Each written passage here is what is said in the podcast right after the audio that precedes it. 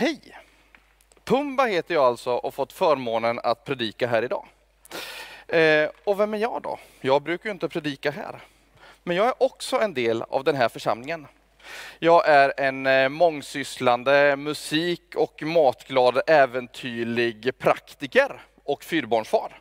Kort sammanfattat från Östgötaslätten. Eh, men hur hamnade jag här då? Predikandes i en kyrka i storstan. Jo, jag råkade släppa taget och lita på Gud. Men eh, jag kommer till det mer lite senare. Jag vill börja med att be. Tack himmelske far för den här dagen. Tack för att du alltid är med oss. Och Gud, jag ber att det som jag ska dela idag ska vara dina ord, om det är sånt som jag förberett som inte ska vara med så ber jag att det bara ska falla bort. Gud, vi lägger den här stunden i dina händer. Ske din vilja. I Jesu namn. Amen. Jag tänkte börja lite där Mats höll på förra veckan. Han predikade om eh, Saulus och Ananias. Saulus som förföljde kristna och, och hade som nästan livsuppdrag att utrota dem. Ehm, men han får ett gudsmöte som är så pass omvälvande så han förändras liksom totalt. Han väljer till och med att byta namn. Och tack vare att det inte var kört för honom så kan jag faktiskt säga att men, då kan det inte vara kört för mig heller. Mitt böneliv började för snart 20 år sedan på en toalett. För det var enda platsen just då som mitt liv såg ut där jag kunde vara helt ensam. Där började ett trevande försök att få kontakt med Gud. Jag bad om styrka i ett liv som var tidvis ganska trassligt. Efter att jag i flera olika krisande situationer desperat knäppt mina händer och bett en bön, då jag inte hade någon annan lösning, eh, kunde jag till slut inte tro att när saker bara löste sig, att det var en slump. För jag har hört att slumpen upprepar sig inte. Så numera vet jag av erfarenhet att Gud både kan fixa sittplats på överbokade flygplan och fixa spontana motorfel som jag inte har en aning om hur de varken uppstod eller hur de löste sig. Jag blev inte kristen för att jag på något sätt är bättre än någon annan. Jag lät mig döpas för jag insåg hur beroende jag är av Gud och hans nåd hur trasslig jag är och hur lite jag är kapabel att göra saker i egen kraft. För mig är inte tron något teoretiskt, utan högt praktisk. Teori utan praktik, det blir en filosofi och det är jag inte speciellt intresserad av. Därför kommande minuterna präglas ganska mycket av erfarenhet och inte så mycket av bibeltolkning. Genom att våga släppa taget och låta Gud ha kontroll har han lett mig på en resa senaste 20 åren som jag själv aldrig hade kunnat planera. Om någon hade sagt till mig i tonåren att jag skulle jobbat eller ens, knappt ens varit i en kyrka eller frivilligt på en skola mer, då hade jag förmodligen bara gett dem fingret och hånskrattat och gått därifrån. Att jag har jobbat i en församling och numera jobbar på en skola tror jag bara är en del av Guds humor. Han hade en större bild än vad jag hade. Och Jay Singers sjöng här alldeles nyss, så jag släpper taget. Jag litar på att Jesus har koll. Jag litar på att ända sedan dag ett har han haft all kontroll. I Saltaren står det, lägg ditt liv i Herrens hand, lita på honom, han kommer att handla. Bibeln den är full av referenser på hur vi ska lita på Gud och hur han vill ta hand om oss.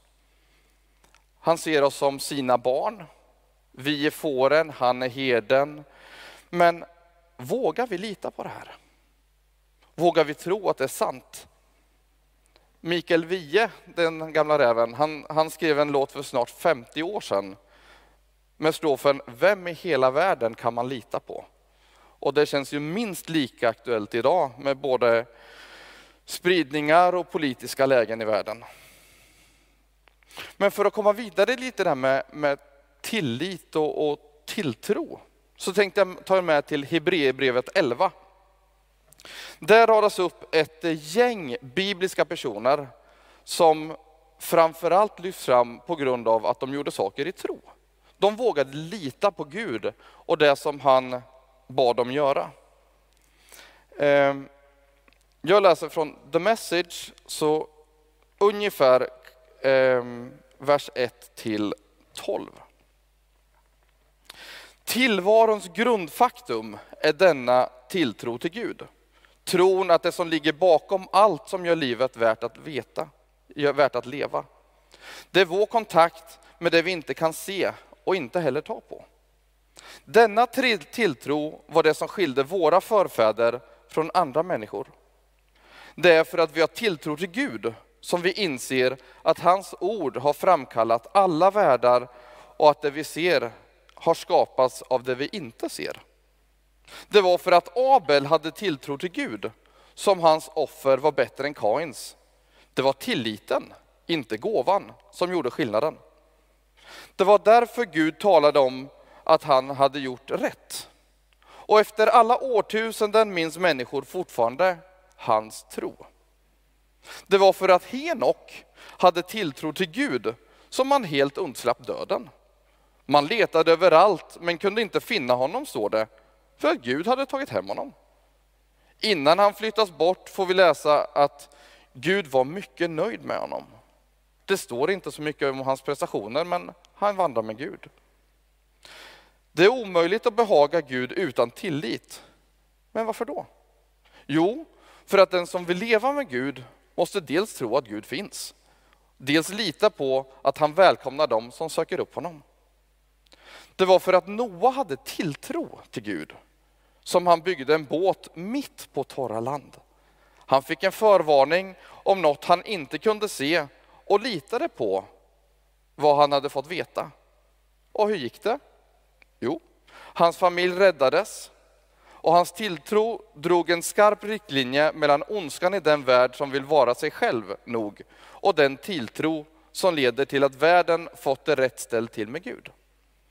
Tack vare sin tilltro kunde Noa leva med Gud. Och det var för att Abraham hade tilltro till Gud som man sa ja till Guds uppmaning om att resa till ett okänt land och bosätta sig där. När han for hemifrån hade han ingen aning om vart han skulle.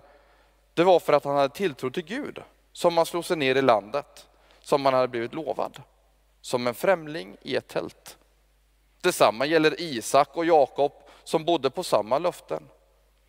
Hela tiden höll Abraham ett öga på den osynliga staden med de verkliga, eviga grundvalarna, staden som Gud hade planerat och byggt. Det var för att han hade tilltro till Gud som Sara kunde bli med barn, trots att hon var så gammal. Hon litade på, det, på att Gud skulle... Eh, hon litade på att eh, Gud skulle göra som han hade lovat. Så gick det till när en enda ofruktsam gammal man blev upphov till ett folk som, var upp, som uppgår till flera miljoner. Sen fortsätter Hebreerbrevets författare med att rada upp Isak, Josef, Mose. Nämns också Gideon, Barak, Simson, David, Samuel med flera. Det blir nästan som lite Hall of Fame. Jag tror att det var Gud som för 20 år sedan kallade på mig. Jag kan inte ta åt mig någon ära av det. Det jag gjorde var att gensvara på hans uppmaning att komma och följa honom. Som jag tänkte då var, vill Gud ha mig, då får han lite skylla sig själv. För jag är allt annat än perfekt. Och jag kan fortfarande ibland fundera på om han riktigt hade tänkt igenom det där. Men med tanke på hans allsmäktighet så hade han nog gjort det och samtidigt såg fram emot en del skratt som skulle kunna uppstå längs vägen. Ehm, jag tror Gud log när jag tidigt som kristen hade ett för mig seriöst samtal med en äldste i familjen eller med i församlingen om celibat. Och att jag bara ett par veckor senare träffade min blivande fru. Nu har vi varit gifta i 15 år, så jag är glad, jag är glad att jag hade fel om de där celibattankarna. Ibland kan vi tro att vi har den bästa lösningen, men eh, det kanske är så att vi inte har sett alla de olika möjligheterna. Att lita på Gud och leva med honom tror jag är någonting som är tillgängligt för alla. Och var det inte kört för mig, ja men då är det ju inte kört för dig heller. Jag tror dock inte att vi behöver vara rädda för att Gud ska kalla oss till ett liv eller en resa som du inte kommer tycka om. Han kallar inte dig att bli missionär i långt bort i stan eller skicka dig till andra sidan jorden om det inte är så att du har en önskan och en längtan efter det förstås. Gud vill vara med dig där du är. Han vill använda dig i vardagen oavsett vad du gör i din vardag. Jag såg det som en förmån att få ha en anställning i en församling tidigare och kände att jag var på rätt plats just då. När jag slutade jobba i en kyrka kände jag mig först lite vilsen och så nästan det nya jobbet som en transportsträcka. Men med tiden insåg jag att även där är jag på rätt plats precis just nu. Jag har ingen aning om var i livet du befinner dig. Om du tycker att du trivs med det du gör eller där du är. Det jag vet är att oavsett hur du känner så vill Gud använda dig. Du hans barn, hans får, hans skatt, hans ögonsten. Han har lagt ner gåvor i dig som du kan få använda för att vara till välsignelse för andra. Du kan vara ett bönesvar som någon annan ber om. Och det är så lätt att man föraktar sig själv. Det är vi svenskar ganska bra på. Vi gör det till och med utan att någon ber oss om det. Och även Mose, som jag pratade om nyss, han eh, uttrycker bland annat sig själv. Om, han uttrycker sig om sig här om sig själv. Hur skulle en sån som jag kunna gå till farao och föra israeliterna ut i Egypten? Eller, förlåt din tjänare herre, men jag har inte ord i min makt. Det har jag aldrig haft och inte heller sedan du talade till mig. Orden kommer trögt och tveksamt. Och han säger också, Herre, jag ber dig, sänd bud med någon annan, vem du vill. Jag kan känna igen mig i det. Alltså Gud, ber du verkligen rätt person om det här uppdraget? Och ibland kan det vara så att det kostar lite på bekvämligheten att gå med Gud, men det blir så mycket mer spännande. För några år sedan var jag ledare på en eh, stor internationell eh, ungdomskonferens som heter Teen Street. Jag var där som mentor för andra för att hjälpa dem i det arbete de skulle göra under konferensen. Eh, och bland annat så samlades det in pengar till ett välgörande ändamål. Och ganska tidigt på veckan så kände jag att Gud uppmanade mig till att, att ge en väldigt bestämd summa pengar. Det här var i ett månadsskifte, juli-augusti. Och eh, ja, men jag, jag var liksom, ja, men började landa i, i att jag skulle göra det här. Så fick jag ett sms hemifrån om att, från min fru att vi hade en räkning som inte hade täckning. Och där ställs man ju inför ett kval. Ska jag rädda min egen situation eller ska jag våga lita på Gud? Och jag våndades en hel del under den veckan. Jag bad över det, jag ville inte prata med någon för det är liksom lite pinsamt när pengarna inte räcker. Ehm, slutligen, efter mycket bön och, och förbön så kände jag ändå att okej, okay, Gud om det är det här du vill, vi får lösa det andra på ett annat sätt.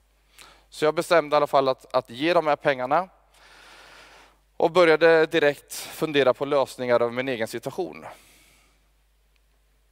På kvällen så var det ett stort eh, lovsångsmöte, Throne Room, där alla de här tusentals människorna i ett folkhav står och, och lovsjunger tillsammans. När en från eh, vaktstyrkan plötsligt kommer fram till mig och ger mig ett ihopvikt papper och sa att det var någon som sa att du skulle ha det här.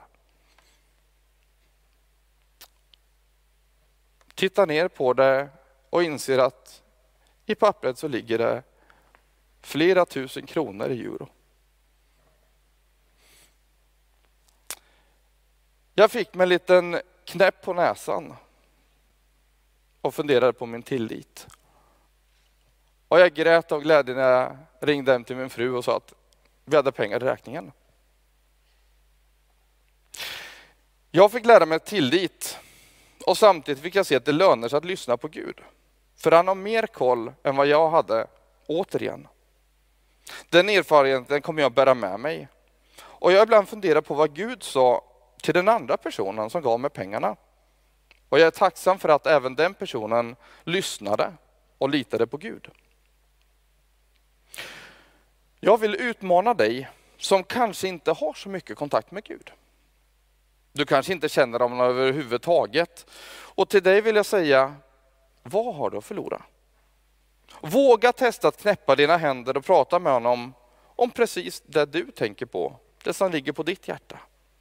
Våga släpp taget och kasta dig in i hans famn. Men hur hamnar jag nu här då? I den här storstan? Jo, tack vare att jag och min fru eh, vågade lita på Gud. Vi hade tillit eller tilltro till honom. Flyttade vi från den trygga tillvaron i Östergötland till en främmande stad vid kusten. Det var lite läskigt. Men det var samtidigt någonting som vi ville. Och här är vi nu. Mitt i livet med allt vad det innebär.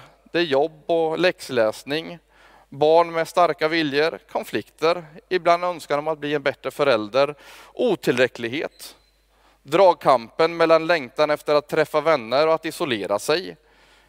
Ja, ett par extra kilon. Allt det här som, som finns i livet just nu. Men fortfarande, med en tillit till vår himmelske far och en tacksamhet över vad livet faktiskt har att erbjuda. Tack Gud för att du alltid är nära. Du ser de människorna som sitter framför sina skärmar just nu och, och kanske bara råkat hamna på den här sändningen. Och Gud, jag ber att du ska vända dig extra till de som vänder sig mot dig här idag. Att de ska få känna din närhet. Att de ska få se att det som står i ditt ord faktiskt stämmer, att om vi bara vänder oss mot dig, då, då är du redan där. Tack Gud för att det här ligger på ditt initiativ att dra människor till dig. Jag ber en välsignelse över dem som ser på det här just nu. Ske din vilja med resten av gudstjänsten. I Jesu namn. Amen.